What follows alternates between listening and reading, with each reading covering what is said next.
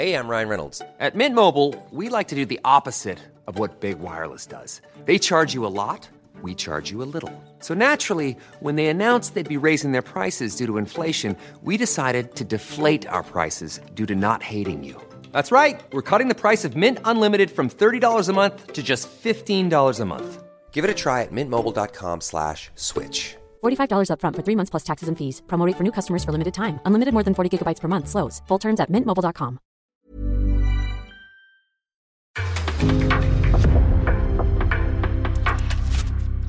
En podcast från Aftonbladet. Det är äntligen dags för semifinal. Sverige mot England. I England. Vad han nu än vill att vi ska göra så gör vi det. Vi är liksom hans eh, soldater på något sätt och vi är redo imorgon att liksom ta oss an den här striden och göra allt vi bara kan. Och om det är en treback eller fyrback, jag tror inte det spelar så stor roll. Jag tror att det handlar om vilken, vilken mentalitet vi har i matchen när vi går in i den. Ja, men vi diskuterade det där med tre eller fyrbackslinje igen. Vilka är Englands stora hot? Vad talar egentligen för Sverige?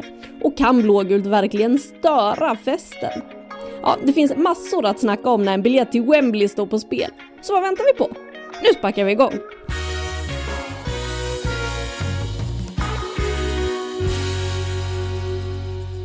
Ja, då säger vi välkomna till Chesterfield där vi har hamnat nu. Och det är inte så att vi är förvirrade och slår ihop Chester och Sheffield utan det finns ett ställe som heter Chesterfield också där vi nu laddar inför semifinalen mellan Sverige och England. På ett hotellrum sitter jag, Anna Rydén, med Frida Fagerlund och Petra Thorén.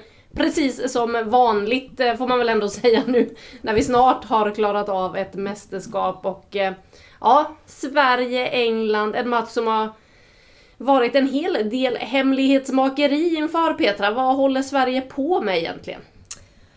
Ja, det kan man ju faktiskt eh, fråga sig. Det, det har varit eh, mycket mm, dolda eh, händelser som vi inte riktigt känner till. Hur det har varit med sjukdomar. Framförallt är det ju det här covid eh, eh, viruset som har drabbat några spelare då eh, som har också gjort att andra spelare som inte har kommit på träningar eh, har man valt att inte berätta om de är sjuka eller, eller varför de inte är med. Och det har eh, man gjort i syftet att inte ge någon slags fördel som helst till motståndare. Och man, vi vet väldigt lite om, om liksom Caroline Segers status. Nu har vi fått lite mer besked om det idag men, men det, ja, det har varit många knepiga besked och eh, eh, en ambition om att kanske vilseleda motståndare lite. Jag tycker att eh, ah, jag tycker man ska lägga mer fokus på sin, sitt eget faktiskt eh, och, och, sina egna utmaningar. Eh,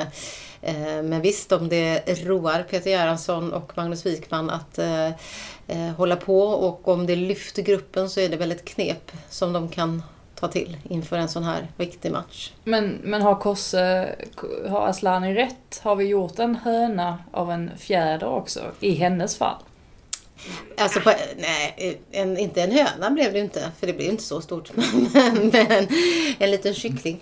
Men eh, nej, men jag tror att eh, det som, det som vi har gjort är att vi lite grann har övertolkat det här med träningarna då. Att hon inte var med på träningen igår. För det var ju, vilket vi har betonat, faktiskt en högst frivillig träning igår. Och Hedvig Lindahl eh, eh var ju väldigt obekymrad över Kosses status. Så jag, i grund och botten är ju det eh, faktum att hon var så sliten efter förra matchen. Hon fick behandling på plan, hon var sliten.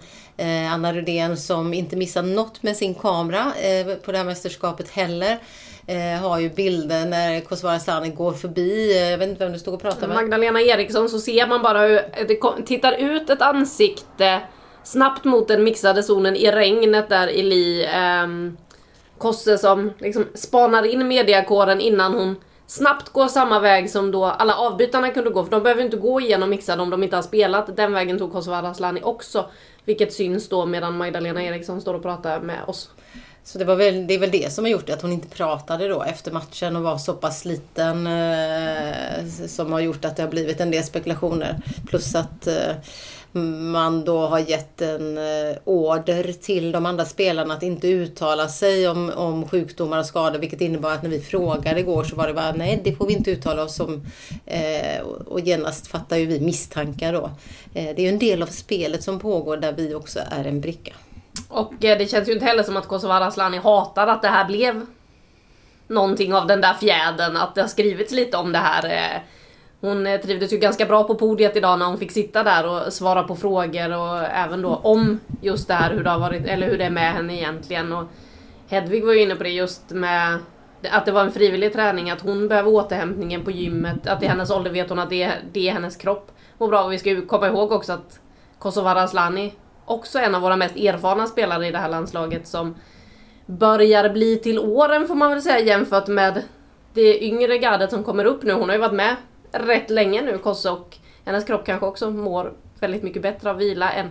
Sen vet jag inte hur hårt de som var på den där träningen nere på fotbollsplanen höll igång egentligen. Det var ganska mycket lek där nere, men det var ju också lite kryptiskt i meddelandet från presschefen där, Fredrik Madesson, som skrev först att ja, nej, men det är ju individuellt upplägg så att vi vet inte hur många, det kanske är en a few players on the pitch eller vad det var i det första.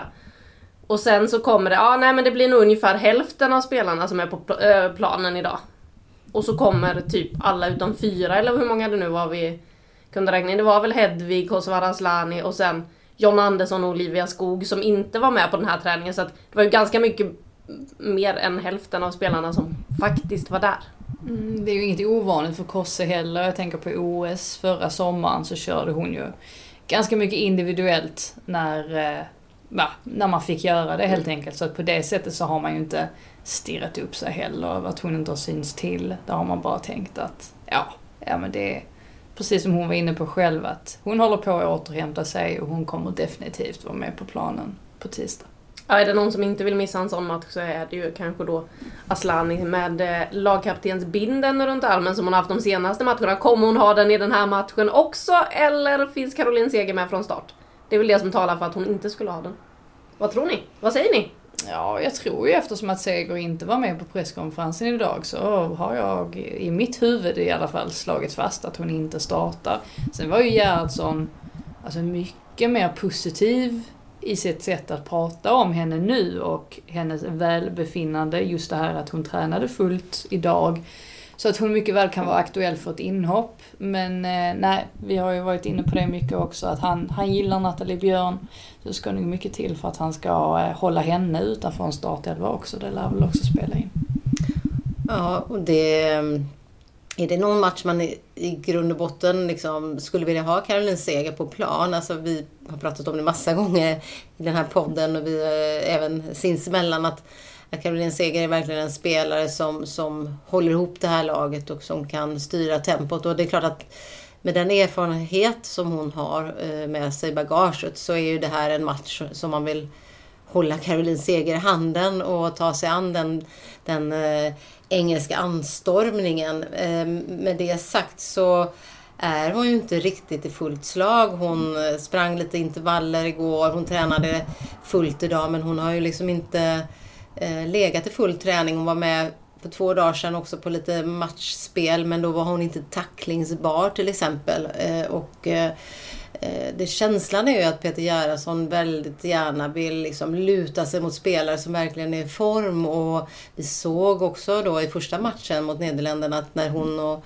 Filip Anjedal inte fick det fungera riktigt passningsspelet där så såg det också liksom lite för långsamt ut. Och eh, tror att eh, Peter Gerhardsson också ser det här då som, som en möjlighet att låta Nathalie Björn vara kvar på planen Eh, och det som är intressant ur ett längre perspektiv är ju om det här är början på liksom en smygpetning utav Caroline Seger, om man kan kalla det för det. Att det på sikt är liksom skiftet som vi upplever här. Mm, vi tror alltså på Nathalie Björn eh, på mittfältet tillsammans med Filippa Angeldal så som det har sett ut eh, de eh, senaste matcherna här. Men eh, formationsmässigt i övrigt då, vad blir det? Blir det en trebacks eller en fyrbackslinje? Ja, nu är det grimaser här på alla håll. det är den eviga frågan med Peter Gerhardsson med tanke på att eh, han kan ju skifta här. Men vad, vad tror ni? Vad väljer han i en semifinal mot England? Ja, men på ett sätt så känns det väl rätt logiskt att ställa upp med tre mittbackar. Alltså vi vet ju fortfarande att Sverige är väldigt flexibla och det här med att han själv inte vill prata så mycket om formationer egentligen för att han menar på att nej men de är så flexibla under själva matcherna också så att de kan skifta lite hur som helst. Och, ja, de försvarar ju sig i en 4-4-2 oftast. Det gjorde de mot Nederländerna också trots att det var tre mittbackar i, alltså i, i den offensiva fasen eh, då. Så jag lutar väl lite åt att det blir trebackslinje. Å andra sidan så ska man läsa in någonting av det svaret han gav idag på frågan. För att jag var ju nere i det engelska lägret. Och det blev väldigt tydligt när man eh, pratar pratade med Fran Kirby där bland annat att de har pratat om att Sverige kommer att spela med en trebackslinje. Det var i alla fall det hon menade på var skillnaden gentemot bronsmatchen 2019. Det var ju en match där de avslutade med en trebackslinje ska man påpeka. När de ändrade om lite där när, när England tryckte på för att eh, få in ett mål där på slutet. Men hon, Frank Kirby menar ju då på att ja, men det är den största skillnaden med eh, Sverige nu jämfört med då. Så att det tyder ju på att de har, de har pratat om det, de tror säkert att det blir en trebackslinje. Till skillnad från då Nederländerna som trodde att det skulle bli en fyrbackslinje och så blev det en trebackslinje. Och de var ju ganska ställda av det under första halvleken. Och nu menar ju Gerhardsson att han inte bryr sig om vad England tror, men säger också att Ja, men det är ju bra om de ställer in sig på någonting. Så att det kanske förstör deras plan lite grann. Och då börjar man tänka, men hintar han då om att det blir en fyrbackslinje istället? Och sen drar han ju in USA också och menar på att de jämför väldigt mycket med USA just eftersom att det, det är kanske det motståndet som kommer närmast England. Och hur ställde man upp mot USA senast förra sommaren? Jo, det var en fyrbackslinje. Och andra sidan var ju det ett sista minuten beslut som delvis då förmodligen baserades på att Magdalena Eriksson var borta. Och andra sidan höll man fast vid fyrbackslinjen även efter att hon hade kommit tillbaka. Så just det gör ju att man är väldigt splittrad i tankarna. Men jag tror väl att det ändå blir en, en trebackslinje. Och så går Amanda Nidén in till vänster för att Jonna Andersson verkar inte som att hon kommer vara tillgänglig för spel. Hanna Glas kanske inte är fit till att starta och då blir det möjligen Johanna Rytting Kaneryd där. Och det är ju så att eh, Sverige skulle kunna mönstra exakt samma elva som i senaste matchen men att man har skruvat på formationen, att det är det som är skillnaden här. Så skulle det kunna vara och eh, de har säkert också förberett sig för, för båda delar för att kunna ställa om under, under matchen också. Men en liten nyckel är väl just om Hanna Glas är så pass i slag igen. Åter till, till lite det resonemanget som vi hade kring Caroline Seger. Att känner Peter Gerhardsson att hon är i tillbaka fullt liksom och, och, och redo så, så skulle det tala för en fyrbackslinje för att få in Hanna Glas i, i, i spel igen. Eh, hon skulle ju också kunna gå som en wingback då som hon gjorde i första matchen. Det, det är också ett alternativ. Eh, och, för där har man inte riktigt testat Johanna Rytting Kaneryd i den positionen, alltså som en ren wingback, utan hon har ju gått mer som, som en eh, yttermittfält, eller som en eh, offensiv då, ytter. Så att eh, Ja, det, det, det är svårt men om vi lutar oss lite mot det som du sa, de avslutade matchen i bronsmatchen där från minut 70 någonstans. Ja, sista 20. Och de spelar också mot England här 2018 och då med en trebackslinje med Ilestedt, Eriksson och Sembrant. Och det är precis de spelarna som man skulle kunna ställa upp med imorgon. Så att eh, jag lutar också åt trebackslinje. Vi eh, erfara eller också att de har tränat på det. Eh, men eh, med det sagt så kan de ju också tränat på andra delar i, i, i veckan. Så att, eh, Ja, idag fick vi ju bara se 15 minuter av träningen och Sen, sen, har de inte tränat faktiskt mer i veckan. Men det nej. Kan de, nej, så att, någon... Sen är det intressant det här som Gerhardsson sa om, om Ilestedt inför matchen mot Belgien. Just det här med att hon i en position som, ja, men som höger mittback kunde överlappa när hon spelade för Potsdam, eller hänga med upp i alla fall i anfallen. Och det var ju så hon gjorde, fast från en liksom mer ren högerbacksposition. Men det är det jag menar också när jag säger att Sverige är väldigt flexibla. För att stundtals under matchen mot Belgien så kunde det ju faktiskt se ut som en trebackslinje. Så de är ju väldigt mycket sådär att de är väldigt fria på något sätt. Och att de ibland kan slänga in en sån där liten grej som att Ilestedt då får fritt blås framåt, vilket gör då att Rytting Kaneryd, hon faller ner lite. De gör ju sådana grejer så att det ska bli väldigt spännande att se hur de tar sig an den här matchen. För att de kommer förmodligen vilja slänga in något överraskningsmoment just för att ställa England lite grann. För att det är ju det är ett bra sätt ändå att få dem lite ur balans, liksom Nederländerna faktiskt kom ur balans också av det. Sen är de väl ehm, England är väl lite svagare på sin vänsterkant defensivt. Mm. Vilket, Helt klart. Ja, och då, då klart att eh, då, då blir ju eh, Eh, det är återigen sannolikt så att de försöker att överbelasta lite på den kanten. Så har det ju varit eh, hela tiden, eh, eller i många matcher. Där, Kosovare Kosovare dragit dragits ut åt högerkanten och kombinerat med, med Rytting Kaneryd. Och, eh, där finns det ju då möjlighet kanske då för, för Amanda Ilestedt att fylla på. Men det är ju inte kanske den rollen som man har i alla fall sett henne inför det här mästerskapet och komma i de här galopperande stegen upp på kanten. Och jag vet inte om de vågar riktigt göra det mot England för att hotet bakom dem är så mycket större än vad, det, vad Belgien kunde erbjuda. Rachel Daly är ju, det är nästan som en omvänd Fridolina Rolfö. För att Daly spelar ju mycket högre upp i planen i, i klubblaget och så här har hon liksom satt som, som vänsterback. Och för Fridolina är det ju tvärtom, att hon har spelat ganska mycket vänsterback i Barcelona och nu spelar lite högre upp i planen. Och eh, med Daly, det finns ju en säkerhetsrisk. Mm. Och det var ju hon som rykte mot Spanien också när, när Wingman bestämde sig för att plocka av henne. Sätta på Alex Greenwood när man jagar ett mål som är en betydligt renare försvarare. Men då trycka upp Millie Bright istället. Och Millie Bright ligger bakom kvitteringsmålet. Så att de har också liksom sina, sina sätt att eh, komma runt det där men absolut, alltså vänsterkanten måste de definitivt ha, eh, ha kikat på. Och man ska komma ihåg att, att Wigman har mönstrat samma startelva mm. i alla matcher. Och om man liksom ska se till vem som ligger närmst till hands att möjligtvis bytas ut, då ser jag mer Ellen White. Att det är möjligt att hon kanske får starta på bänken istället för eh, Alessia Russo. Men samtidigt så, jag tror nästan att hon kör vidare på samma startelva ändå för att det blir så, hon får så bra effekt på sina byten också men vi får väl se.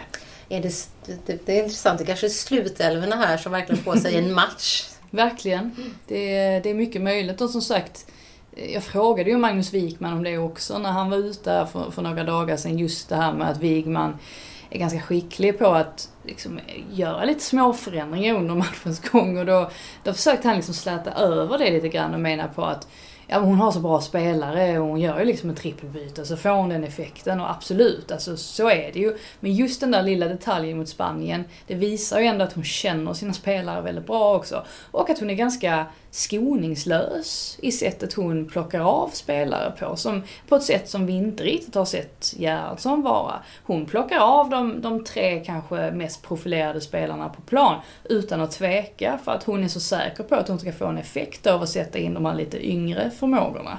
Så att, eh, ja, den delen känner jag mig lite nervös inför. Att hon, hon faktiskt eh, ofta är modig nog att, att göra förändringar. Sen som sagt, det, det är lätt att sitta och tycka vid, vid sidlinjen. Liksom, alltså när man inte är Peter Gerhardsson för att det trycket som Sverige hade mot Belgien.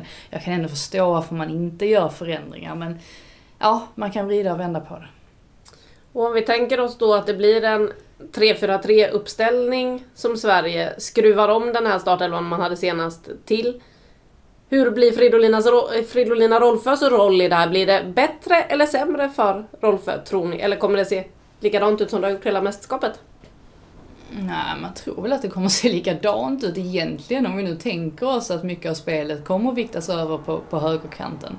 Och det är ju mycket så med, med Aslani att Alltså mycket av rampljuset riktas ju mot henne hela tiden och det är ju också för att i pressspelet så trycker hon ju upp vilket gör att hon, hon har ju till exempel nu när hon skulle skulle ranka alltså, de olika lagdelarna så insåg jag att vi kan inte räkna in Aslani som en mittfältare längre för att hon, hon är en anfallare, så är det bara. Hon är, hon är en betydligt större del av anfallet än, än av mittfältet och leder liksom den linjen ihop med Stina Blackstenius då. Så att eh, jag tror det är mer det som, som gör att Fridolina inte riktigt har, har syns eller att hon inte har varit involverad särskilt mycket i spelet. Hennes siffror rent statistiskt, alltså om man kollar på hennes defensiva siffror rent statistiskt är fortfarande väldigt höga. Alltså hon li ligger väldigt högt där. Alltså på liksom alla, alla olika kolumner som man checkar av. Men det är ju just det där att en spelare som är så pass bra som henne och har så mycket kvaliteter. Man vill ju att en sån spelare ska vara mer involverad av naturliga skäl. Ryan Reynolds här från Mint Mobile. Med priset på nästan allt som går upp under inflationen, trodde vi att vi skulle bring våra priser down. So to help us, we brought in a reverse auctioneer, which is apparently a thing. Mint Mobile unlimited premium wireless. Have to get 30, 30, bit to get 30, bit to get 20, 20, 20, bit to get 20, 20, bit to get 15, 15, 15, 15 just 15 bucks a month. So, Give it a try at mintmobile.com/switch. slash $45 upfront for three months plus taxes and fees. Promo rate for new customers for limited time. Unlimited more than 40 gigabytes per month. Slows. Full terms at mintmobile.com. De har ju varit inne på det just att de, de verkligen vill också styra pressspelet alltså åt eh, sin högerkant då. Eh, och det är klart att då, då hamnar hon ju liksom längst bort ifrån eh, från liksom den styrningen, längst bort från boll. Så att eh, det, hon hamnar ju naturligt lägre ner i banan. Och vinner man bollar uppe så, så då hinner hon ju inte upp Fridolina. Men Peter Gerhardsson tog ju henne en del också i försvar idag. Han är medveten om att det finns mer eh, att hämta här men också att eh, det kan ske just mot England och att de är nog lite oroliga för det. Plus att han pekade på att det har funnits markeringsinslag mot Fridolina Rolfö. Jag har inte riktigt identifierat det på så tydligt liksom. Men, men det ja Nederländerna möjligen då. Men, men inte annars eh, mer än att spelare ligger ju väldigt tätt på henne jämt. Eftersom hon är den typen utav spelare som, som gärna utmanar går. Så hon har inte kommit till de här höga hastigheterna och utmanat. Det kan hon kanske göra mot England. För eftersom England är som Kosse var inne på idag väldigt framåtlutade och vill gå med mycket folk. Då finns det ju också de här ytorna som öppnar sig bakom. Och det tror jag är en av nycklarna för, för Sverige just mot England. Att de äntligen får spela på det här omställningsspelet. Direkt när de har återerövrat boll så är det pang och gå framåt. Och då kan ju Fridolina komma igen mot en läge till exempel. Så att jag tror att det kommer vara en matchbild som passar henne mycket bättre. Medan Kosse är ju mästerlig eh, då på att eh, spela sig ur de här trånga situationerna som blir nere vid hörnflaggan eh, när det står tre portugisiska spelare liksom runt henne. Så det, det kanske är mer en match som spelar Fridolina Rolfö i, i händerna liksom, eller i fötterna då. I mm. Får inte glömma bort heller målet mot Schweiz som, jag, alltså, som är ju ett av de snyggaste målen i, i hela turneringen tycker jag hittills. Alltså just det här, alltså den gången när Sverige verkligen liksom får igång det här väldigt, väldigt vackra passningsspelet och då är det ju Fridolina som är där. Um, så att uh, hon har inte varit, jag tror det blir lätt så också att man snöar in på någonting. Ja men nu har inte Fridolina Rolfö, hon har inte, det har inte fungerat alls för henne. Ja, men min första match mot, mot Nederländerna var hon ju faktiskt bra. Sen har hon inte så mycket ytor i andra halvlek och blev väldigt låst på grund av det. Men jag menar mot Schweiz var ju hon alltså, en av de bättre spelarna. En av få spelare som faktiskt kom upp i nivå någonstans. Så att, ja. Men Anna, du hade ju en spaning där igår som också är relevant i sammanhanget kring Barcelona-spelarna som Fridolina igen. Du får dra den här så poddlyssnarna också får höra den. Ja, om man tittar på hur det har sett ut för Barcelona-stjärnorna så är det ju faktiskt kanske bara en som har levererat i det här mästerskapet i form av Aitana Bonmati mm. i Spanien som ju briljerade. Men vad har de andra Barcelona-stjärnorna gjort för avtryck i den här turneringen? Jenny Hermoso gick sönder innan mästerskapet. Alexia Putellas gick också sönder precis innan. Vi har en Caroline Graham Hansen som verkar ha fått bestämma lite själv i Norge var hon vill spela och vet inte själv var hon får ut sina kvaliteter på bästa sätt. Så hon har fått spela i rollen som tia, kom inte till sin rätt i Norge. Så att eh, det finns ju flera av de här Barcelona-stjärnorna som faktiskt inte har lyckats leverera. Frågan är vad det beror på. Om det är så här att de toppade formen för tidigt. Att de eh, faktiskt var lite trötta till den där Champions League-finalen där de ju inte heller kom upp i nivå. Det var ju inte samma Barcelona riktigt som vi har sett tidigare under säsongen så att det, det finns frågetecken kring Barcelona-spelarna generellt skulle jag säga. Mm, det är intressant. Vi får se vad de själva har att säga om det, eh, om vi får möjlighet att snacka med dem. Men eh, en annan som vi också har mer att eh, ta av, och i alla fall om man ska se till förväntningarna vi hade inför, det är ju Stina Blackstenius. Hon har gjort fyra mål i den här turneringen men det är bara ett som är godkänt. Ja, det är otroligt alltså. Ja. Hon ligger ju hela tiden på gränsen och hon gillar ju det också. Hon vill ju vara en spelare som ligger på gränsen men det gäller ju också då att man ligger på rätt sida. Det råder ju delade mening om hon gjorde det eller inte i matchen mot Belgien. Med tanke på vinkeln på kamerorna och så vidare men... eh, Jag, jag gillar Kosses lösning också på detta problemet. Det är bara, bara ligg på rätt sida. Ja. Hur svårt kan det vara? Hur svårt? Tajma din löpning med min passning så kommer passningen Och, liksom. och jag kan se Kosse säga detta Ja. till Stina också. Bara ligg på rätt sida. Nej men eh, Stina är en sån där spelare som jag orkar, jag orkar inte ens blanda mig i. Om det, om det ens finns det minsta kritik mot henne, jag tror inte att den kritiken är särskilt eh, hög just nu. Men, men jag orkar inte ens blanda mig i det för att hon, hon är så pass skicklig i det hon är skicklig på och är en så pass komplett nia ändå och har så pass många egenskaper som Sverige drar väldigt, väldigt mycket nytta av. Att det är svårt att sitta och peka finger och mena på att hon borde göra ännu mer. Ja, såklart att hon borde göra lite fler mål. Det, det kan man kanske begära. Men å andra sidan så är det som säger Anna, hon har ju faktiskt gjort ganska många mål som har blivit bortdömda eh, tyvärr. Men just det här med hennes djupledslöpningar, sättet hon öppnar upp ytor eh, för andra. Och inte minst det som Peter Gerhardsson var inne på idag också. Alltså att det är hon som startar hela försvarsspelet, alltså hela pressspelet, den aggressiva pressen. Som Sverige är så himla himla bra på. Hon är ju, ja, men hon är ju ovärderlig egentligen. Det var ju, det var ju det man saknade mot Nederländerna också. Det var hennes, hennes egenskaper som saknades. Lina Hurtig kan inte, kan inte ersätta det. Nej, och det var hon ju själv inne på lite. Vi har ju faktiskt ett eh, specialavsnitt av podden som vi släppte precis innan EM med Stina Blackstenius. De var inne på det här, att hon gillar att vara den jobbiga jäveln som ligger där uppe och pressar och startar den där första höga pressen, sätta den på motståndarna och hela tiden ligga och skava lite på dem. Så att eh, hon trivs ju i den rollen. Sen så diskuterade vi ju en hel del efter Belgien. Sverige skapade väldigt mycket chanser men man hamnade än en gång mot ett lågt stående försvar. Något som de har fått kritik då för att de är ineffektiva mot eh, den här sortens motståndare under även under VM-kvalet som har varit. Och jag frågade ju då Stina Blackstenius i veckan om hon tror att det kommer Passar de bättre nu när de ställs mot ett England när det finns de här ytorna att löpa på. Vi kan väl lyssna på vad Stina själv svarade på just den där frågan om Sverige är bättre mot ett motstånd som England. Ja, så det hoppas jag. Eh, jag tycker, ja, men som du säger så har vi spelat mot, eh, mot lag tidigare som har stå, kanske blivit lite lägre i sitt försvarsspel och att Eh, det är kanske i de matcherna som vi har haft svårare att inte skapa lägen men effektiviteten att faktiskt komma till de här riktigt heta målchanserna som, som vi ska göra mål på. Eh, det blir mycket ja, halvchanser igår men som man ändå får räkna in som, som bra lägen. Eh, men samtidigt så tycker jag så att vi har en styrka i att kunna spela mot bra lag där det blir lite större ytor för, för, för, för oss som spelare att, att jobba på. Eh, och när matcherna öppnas lite mer så tycker jag att, det blir, att vi blir bättre och att vi växer av det. Sen med det sagt, det kommer krävas en otrolig insats både i försvarsspelet och i anfallsspelet för, för att vi ska, ska kunna få de, de ytorna. Men vi har en styrka där som lag att kunna vara bra mot bättre motstånd också. Ja, Stina Blackstenius eh, där alltså som är inne på att eh, det här borde passa dem bättre. Kosovare Asllani var ju också inne på det idag att mot bättre lag då blir de ännu bättre.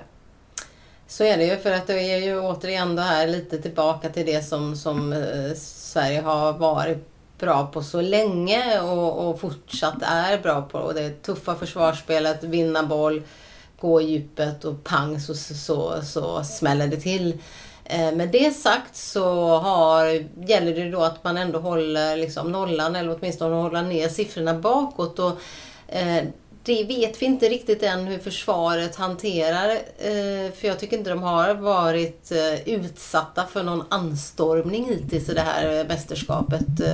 Eh, Belgien kom ju liksom inte till några farligheter i stort sett.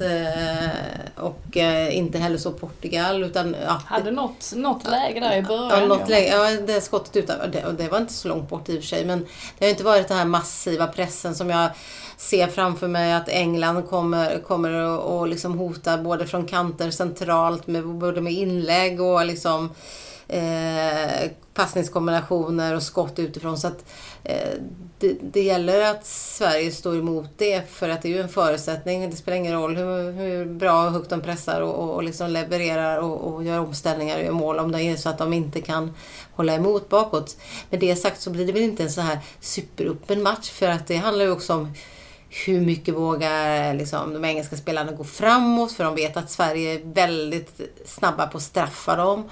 Eh, och Sverige vet jag inte heller hur högt de vågar pressa egentligen. De ska ha ett mod känns det som att pressa högt. Men, men man vill ju inte heller gå bort sig initialt. Så det blir väldigt intressant att se tycker jag liksom, hur den här matchen eh, utvecklas. Eh, och sen det laget som första mål. Alltså målen påverkar ju matchbilden så otroligt mycket. Så att det, det ska bli spännande att se. Och det ska bli spännande att se hur det svenska försvaret fungerar ihop liksom. Alltså längre ner på banan. Försvaret högt upp i banan, suveränt. Men hur fungerar det längre ner mot eget straffområde? Du är inne på försvaret här. Försvaret här. Magdalena Eriksson var inne på att eh, spelarna de är Peters soldat eller vad var det? Ja, otroligt uttalande ja. alltså. Eh, väldigt osvenskt. Jag kommer ju att göra det som Peter vill att vi ska göra för det är han som bestämmer. Um, och han har ju alltid en bra motivering för hur han väljer att spela. Och jag, än så länge har alltid köpt hans motivering och det är jag helt säker på att jag kommer köpa imorgon också. Så att vad han nu än vill att vi ska göra så gör vi det. Vi är liksom hans eh, soldater på något sätt och vi är redo imorgon att liksom ta oss an den här striden och göra allt vi bara kan. Och om det är en treback eller fyrback, jag tror inte det spelar så stor roll. Jag tror att det handlar om vilken, vilken mentalitet vi har i matchen när vi går in i den. Kanske, det var kanske för att hon fick svara på så mycket frågor på engelska precis innan. Så att det sveptes med lite i det här. Eh, det här de här målande beskrivningarna som engelsmän, eller framförallt amerikaner, tenderar att eh, ha. Men eh, ja, Peter tittade lite, han stod ju i hörnan där och väntade på sin tur. Han tittade lite förläget ner i marken. Men såg väldigt nöjd ut också där bakom, eh, bakom masken. Så att, ja, det visar ju i alla fall att de har tro på, tro på det han gör eller det han vill. Och, det var väl Hedvig som sa det också när det såg lite knackigt ut där efter Schweiz. Att hon, hon sa att ja, men det har funnits gånger då, då folk kanske har haft, eller folk, men några spelare har haft invändningar på, på det de har gjort. Men då har de alltid varit så bra på att lägga fram förklaringar till varför de gör som de gör och alla spelare har köpt det och, och ställer sig bakom det. Och det, det är ju väldigt viktigt såklart när man eh, går in i ett mästerskap så här. Man måste dra åt, åt samma håll och det är det Sverige har varit så duktiga på i de senaste åren. Att de verkligen har dragit åt samma håll alltid. Så att eh, jag har ingen aning om vad jag började säga eller varför vi kom in på Soldaterna. detta. Soldaterna. Ja. Det, var, det var så det var ja. ja. Jag känner lite mer det här med försvaret om man ska komma in på Magda och sådär. Alltså det som var obehagligt förra sommaren under OS, det var ju... De, Sverige fick ju möta Australien två gånger. Och hade ju stora problem med en sån som Sam Kerr. Och visst, Sam Kerr är ju på, hon är ju en av de bästa spelarna i världen, om inte liksom den bästa nian. Men ändå, det var lite läskigt när Sverige liksom fick möta en spelare av den kalibern.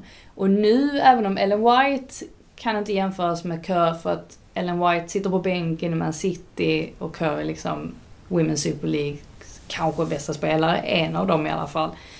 Men det är ändå lite läskigt sådär, att, precis som vi var inne på att, Petra, att Sverige inte har testats än. Och vad, vad händer när man gör det? Sen är de ju olika typer av spelare. Vi har ju White då som är lite mer så här boxspelare, targetspelare. Kan vara ganska skoningslös hon också i sättet hon bara, ja men som mot Norge när hon bara roffade åt sig bollen i stort sett och, och eh, ja, eh, skapade lägen på det sättet. Och så har vi ju Hemp till vänster som är mer en sån här dribbler som vill Alltså gärna gå en mot en. Och sen så Beth Mee då på andra kanten som väl egentligen, ja nu har hon öst in mål, hon är ju lite mer av en playmaker. Så hon är ju lite obehaglig på det sättet också. Och så Kirby då som när hon väl involveras så är det hon som fördelar bollen till, till höger och vänster. Så att det är rätt många spelare att hålla koll på här. Och så dessutom då, ja, Georgia Stanway kan också dra till. Det såg vi mot, mot Spanien. Så att man kan inte ge dem några ytor alls. Och det blir, eh, ja, eh, vad säger man, a handful på, på engelska. Det blir mycket att göra helt enkelt för det här svenska försvaret. Magdalena Eriksson var inne på det där att Frank Kirby kan slå passningar som ingen ens vet existerar eh, förrän man har sett henne slå dem. Lite så och eh, vi kan väl också lyssna på Hedvig Lindahl om just Ellen White för hon hade ju en utläggning om eh, Ellen White eh, i den mixade zonen här i veckan. Ja, hon har ju, hon har ju, hennes spetsegenskaper, visst hon är bra på huvudet och så, men hennes spetsegenskaper, hennes fokus och hennes vinnarinstinkt. Eh, hon, eh, ungefär som Pop vi såg när hon slänger fram en, en fot och gör det där eh, ja, press, vad kan man, återerövringsmålet mot Österrike. Hon har lite samma egenskaper. Att släng, hon glidtacklar och hon försöker liksom in i det sista nå bollen och det är väl där vi behöver vara beredda på. Hon är bra huvudspelare men vi har också väldigt bra huvudspelare. Men att slappna av runt Ellen White, det är farligt. Så att eh, ha, ha full koll på henne till bollen är liksom på andra sidan planhalvan.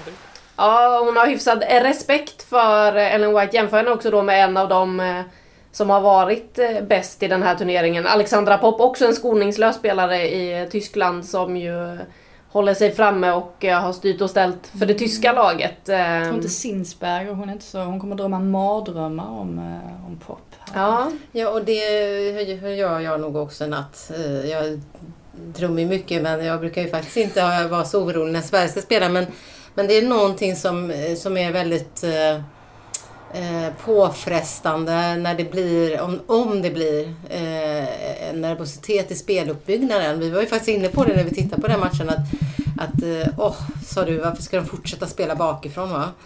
eh, och, och Österrike då ja. Österrikes match var det. Eh, men just det här att det varit några gånger i Sveriges matcher jag kommer inte ihåg om det var Belgien eller om det var Portugal. Kanske, ja, det kanske var i Belgien. Där liksom, där Hedvig ändå dratt iväg en passning som vart bara så här 10 centimeter ifrån en, en pressande anfallare. Jag kommer faktiskt inte ihåg vilket, men det var några situationer där jag reagerat och känt att ah, det är inte hundraprocentig liksom, eh, fokus i, i den första passningen. Varken ut i back och liksom Magdalena Eriksson har inte heller varit sylvass i sin, med sin uppspelsfot och kanske är det därför man vill ha in eh, en eh, Linda Sembrant då som ändå har en, en, en, en stabil liksom och ett lugn kring, kring speluppbyggnaden.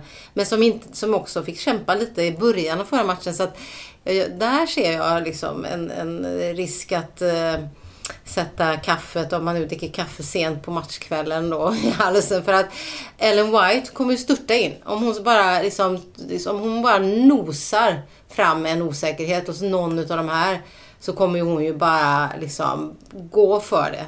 Eh, och det kommer finnas en hög risk i, det svenska, i den svenska speluppbyggnaden där.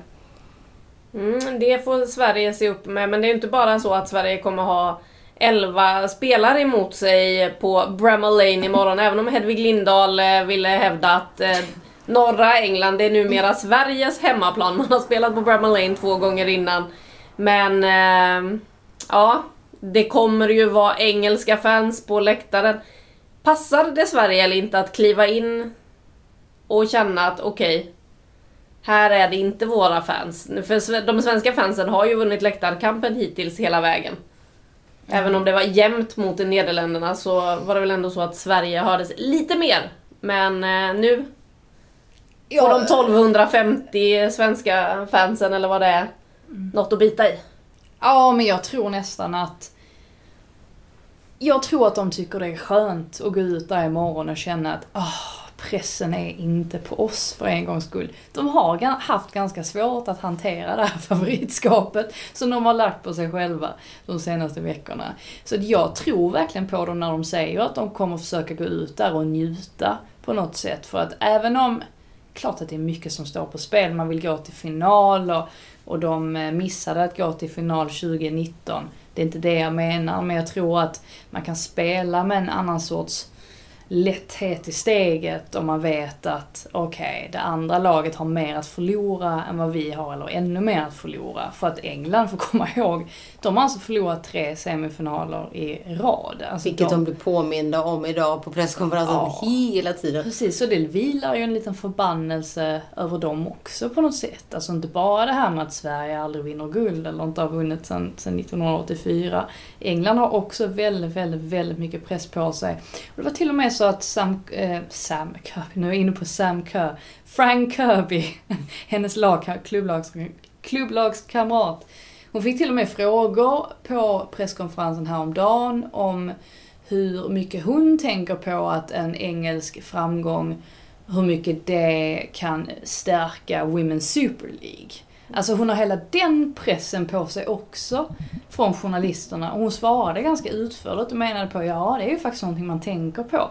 Så det står så mycket på spel här för England. Och de pratar ju redan om att lyfta, lyfta bucklan. Jag, jag tror det var nio av tio frågor handlade bara om hur de, på vilket sätt de ska lyfta den här bucklan. De är ju inte ens, de är ju redan i final. Det är en jättefördel för Sverige.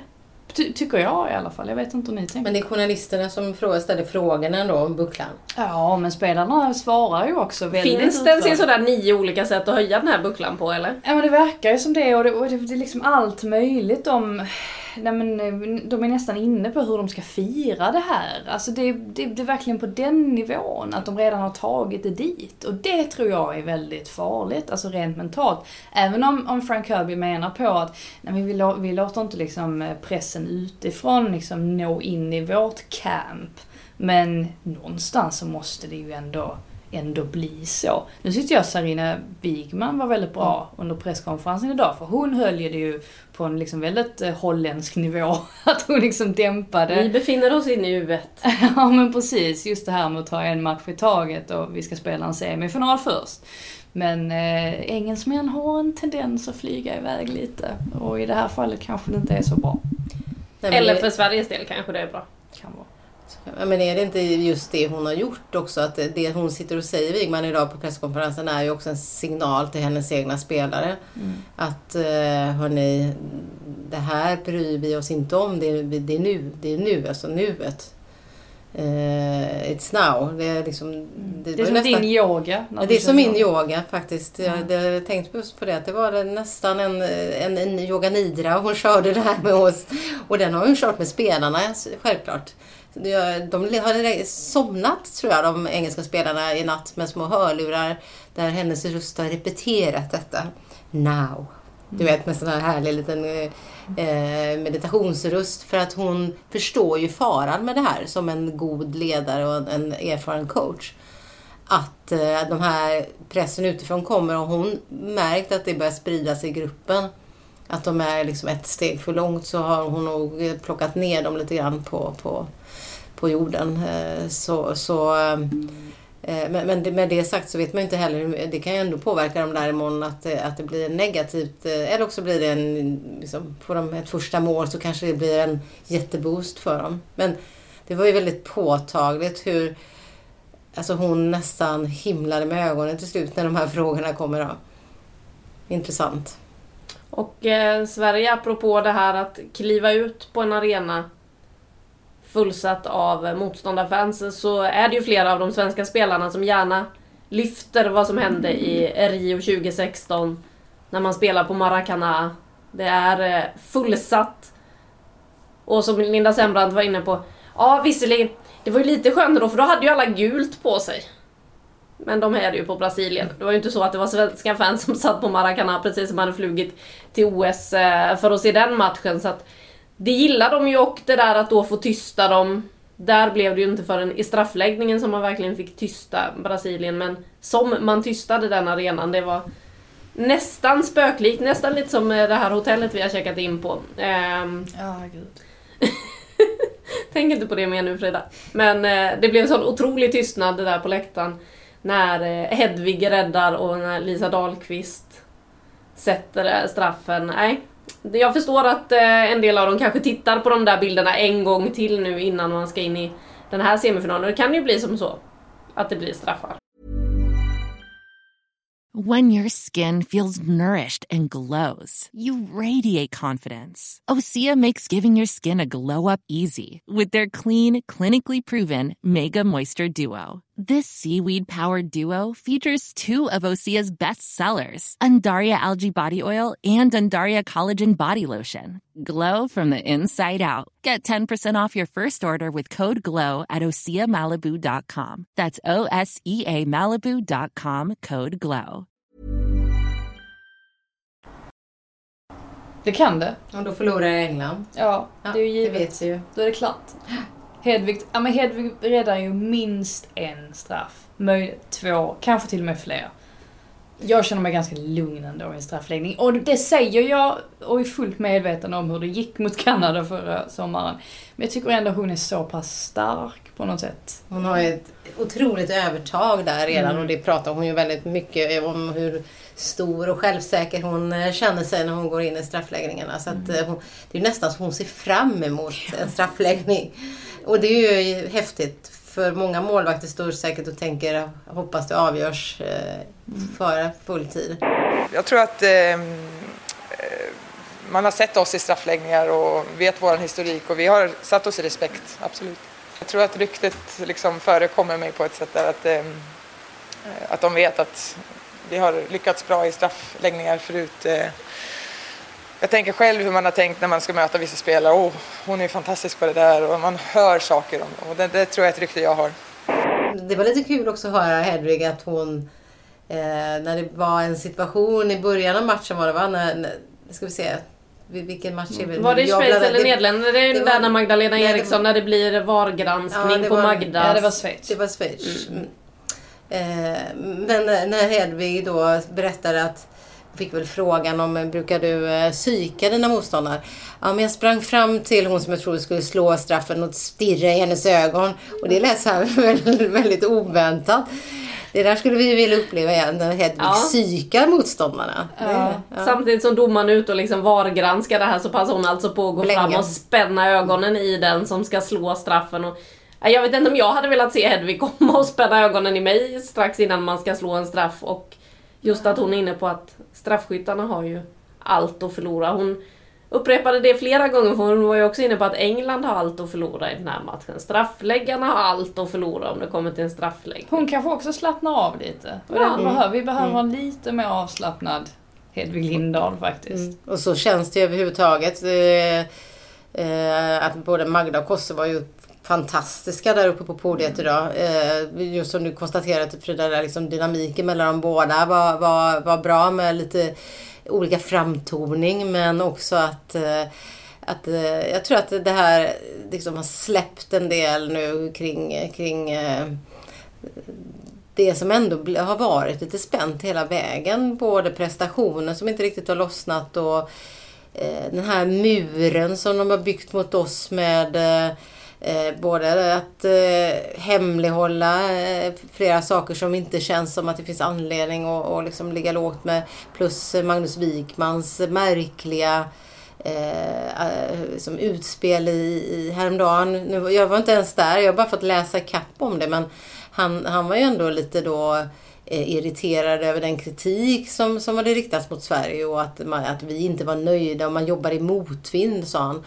Eh, Det var otroligt faktiskt. Var... Ja, och jag förstår inte riktigt. Jag funderar på vad, liksom, vad, vad syftet var just med, med att, att säga det. Om han, om han var irriterad på riktigt och varför han lägger så mycket energi med, på det i så fall. Eller om det var ett sätt att eh, eh, liksom, försvara spelarna på något sätt och ta, ta, liksom, ta lite kampen mot media och måla upp det som en vi mot dem-grej. Men, men ja, jag tyckte att det var lite mm, märkligt faktiskt. Ja, alltså jag tyckte det som... Jag kan förstå på ett sätt för att han... Det blir ju på något sätt som att han... han må, alltså han fördummar ju oss lite grann. Eh, alltså i, i journalistkåren och tycker att ja, men vi vet ingenting. Alltså vi, vi bara spekulerar och, och eh, ja, vi förstår oss inte på det här egentligen. Och det, på ett sätt kan jag väl jag köpa det. Alltså jag kan förstå om man är tränare med jättemånga års erfarenhet och så ska det komma en massa tyckare och, och, och tycka till. Men samtidigt så sågar han Jonas Eidevall också. Och han, eller sågar, men han var ju ändå liksom sådär att eh, liksom antyder ju då att, att även Jonas Eidevall har fel i sina åsikter. Men det är ju liksom en, en person som verkligen har meriter och eh, lever och verkar i den här liksom, branschen på allra högsta nivå på damsidan. Så att jag, jag förstår liksom inte riktigt ändå varför han hänger upp sig så mycket på det här, varför han lägger så mycket fokus på det. Men Peter Gerhardsson gör ju inte det, så att de är väl helt enkelt två helt olika karaktärer. Så att, eh, ja, Magnus tar, eh, tar på sig det och, och tar ut sin aggression och sen så Peter han fokuserar på allting annat. På mattematten. ja, Mattematten. Otroligt. Och också I like VAR, det var också ett starkt citat från dagens... eh, I like VAR, ja. ja. Tid med Peter Gerhardsson på engelska ska vi säga att eh, under den engelska delen då av presskonferensen som Ja, den gick väl ganska bra för Peter Gerhardsson men det fanns en del citat som stack ut där. Ja, men han är ju otrolig. Han, de måste ju, eller de tycker ju, alltså de engelska journalisterna blir ju förvånade över hur, hur framåt han är och, och rak och tydlig och han liksom bara tar upp någon kritik där, någonting han har tänkt på mot Uefa och, och deras eh, förhållningssätt. Det kan vi bara nämna då att han bland annat kritiserade att det tydligen bara är, är tre av avbytarna som får värma samtidigt och man har ju fem byten under en match. Alltså sådana grejer, att han spontant bara slänger ur sig det. Det ger ju väldigt mycket till en presskonferens också. Det blir ju så himla generiska svar från Sarina Wigman. Det är ju det är inte så kul. Men de svenska presskonferenserna är ju faktiskt alltid roliga. Ja det är de. Eh, Peter Gerhardsson bjuder alltid på någonting även om man kan eh, jämför, jämför man dagens presskonferens med den som vi var på första gången på Bramall Lane där han helt plötsligt bara berättade rakt ut att nej men Stina Blackstenius startar inte imorgon. Eh, det är en helt annan värld vi lever i nu när han skulle försöka förklara var Olivia Skog och John Andersson befinner sig. De som alltså då var de enda två spelarna som saknades på dagens träning. Jonna vet vi ju att hon har haft ett positivt eh, covid-svar. Olivia Skog vet vi ingenting om för man eh, har ju stramat åt kring landslaget och inte gett några updates kring var hon har befunnit sig sen matchen senast. Och ja, nej, han snurrade till det lite där Peter Gerhardsson. Han skulle försöka förklara om de satt på en buss eller på ett hotell och om de var i Sheffield eller Chester. Och, nej men jag vet inte vad de är för de åkte inte i min buss i alla fall hit för jag åkte bil bara med de som är här och allt vad han snurrade in sig i. Men ja, han försöker svara på det han kan och eh, försöker ju också mörka och ge motståndarna så lite som möjligt. Vi närmar oss väl slutet av dagens podd. Vi ska dela Ja, ut fem plus med. Har ni något i bakfickan så här inför semifinalerna? Vi kan ju nämna också att den andra semifinalen som spelas är Tyskland-Frankrike som spelas då dagen efter eh, Sveriges match. Men vi har ju fullt fokus på Sverige-England som spelas här uppe i Sheffield. Ja, vårt hotell är inte fem plus i alla fall. Det ju, kan vi ju hugga fast. Det står ju att det är fyrstjärnigt. Nej, det är det inte. Jag har badkar här, bubbelpool mitt i, i, i rummet. Ja, det har Jättekonstigt, inte jag. inne på i badrummet utan mitt i rummet. Det är lite udda. Jag föreslog att vi skulle köra podden i bubbelbadet men eh, det var ingen som hakade på mig ner där. Jag, jag, får, jag får alltid det sämsta rummet. Det spelar, spelar ingen roll var vi än är. Men hon är ju yngst va, är det inte så? Ja, det måste vara det. måste vara så. Sitta Senior advisor-poängen gör att man får ett bubbelbad i ja, eller rummet. Ja, ska ligga här och bada hela dagen imorgon i väntan på, på Mm. avspark. Du kommer komma mjuk och avslappnad till matchen. Men jag tycker nästan att eh, alltså både Magda och eh, Kosse är fem plus idag. Jag tyckte de skötte sig hur bra som helst uppe på det podiet. Som sagt, jättebra, eh, jättebra dynamik mellan de två. Helt olika personligheter men funkar väldigt bra ihop. Ehm, nu vill jag inte avslöja för mycket här. nej. Eh, nej, alltså. Ja, vi ger fem plus till Kosovare Asllani och Magdalena Eriksson idag. Vi får väl se vad de får på planen imorgon. Vi sätter ju betyg på de svenska spelarnas insats också efter varje match. Så eh, det kan ni ju läsa på Sportbladet där ni givetvis följer uppladdningen inför Sverige-England. För hörni, nu är det inte långt kvar. Vi närmar oss en semifinal och eh, Frida, kommer det bli ditt livs bästa dag? Ja, nej men det är ju definitivt en av dem.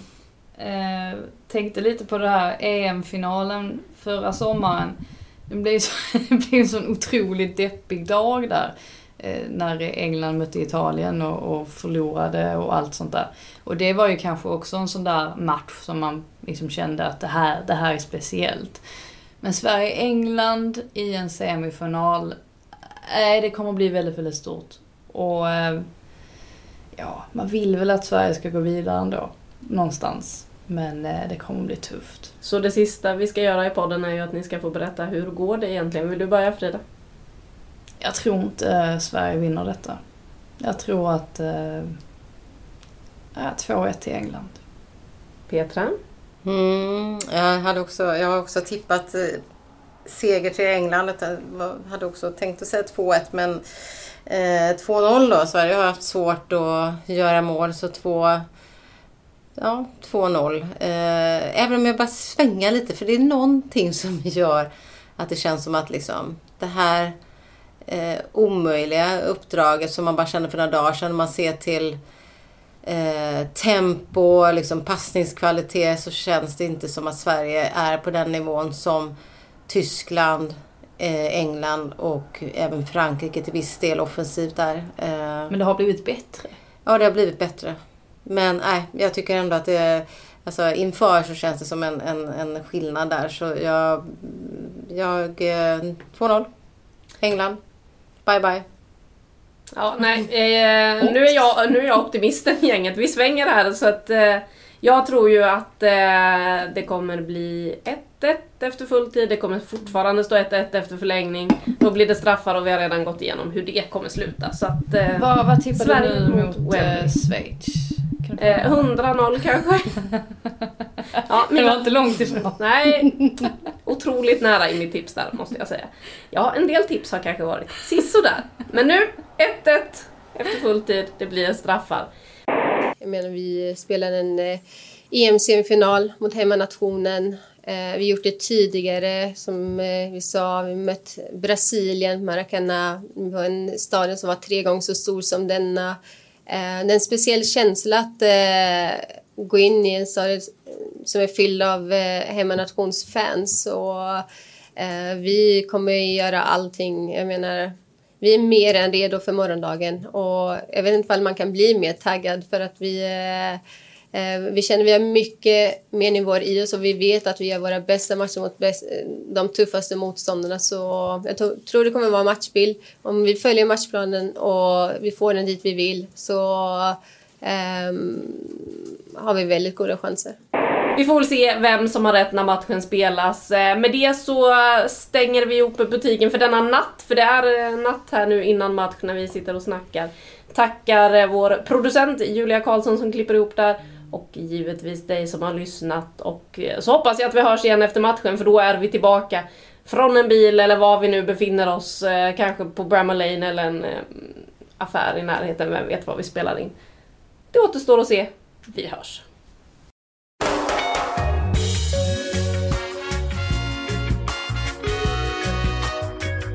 Du har lyssnat på en podcast från Aftonbladet. Ansvarig utgivare är Lena K Samuelsson.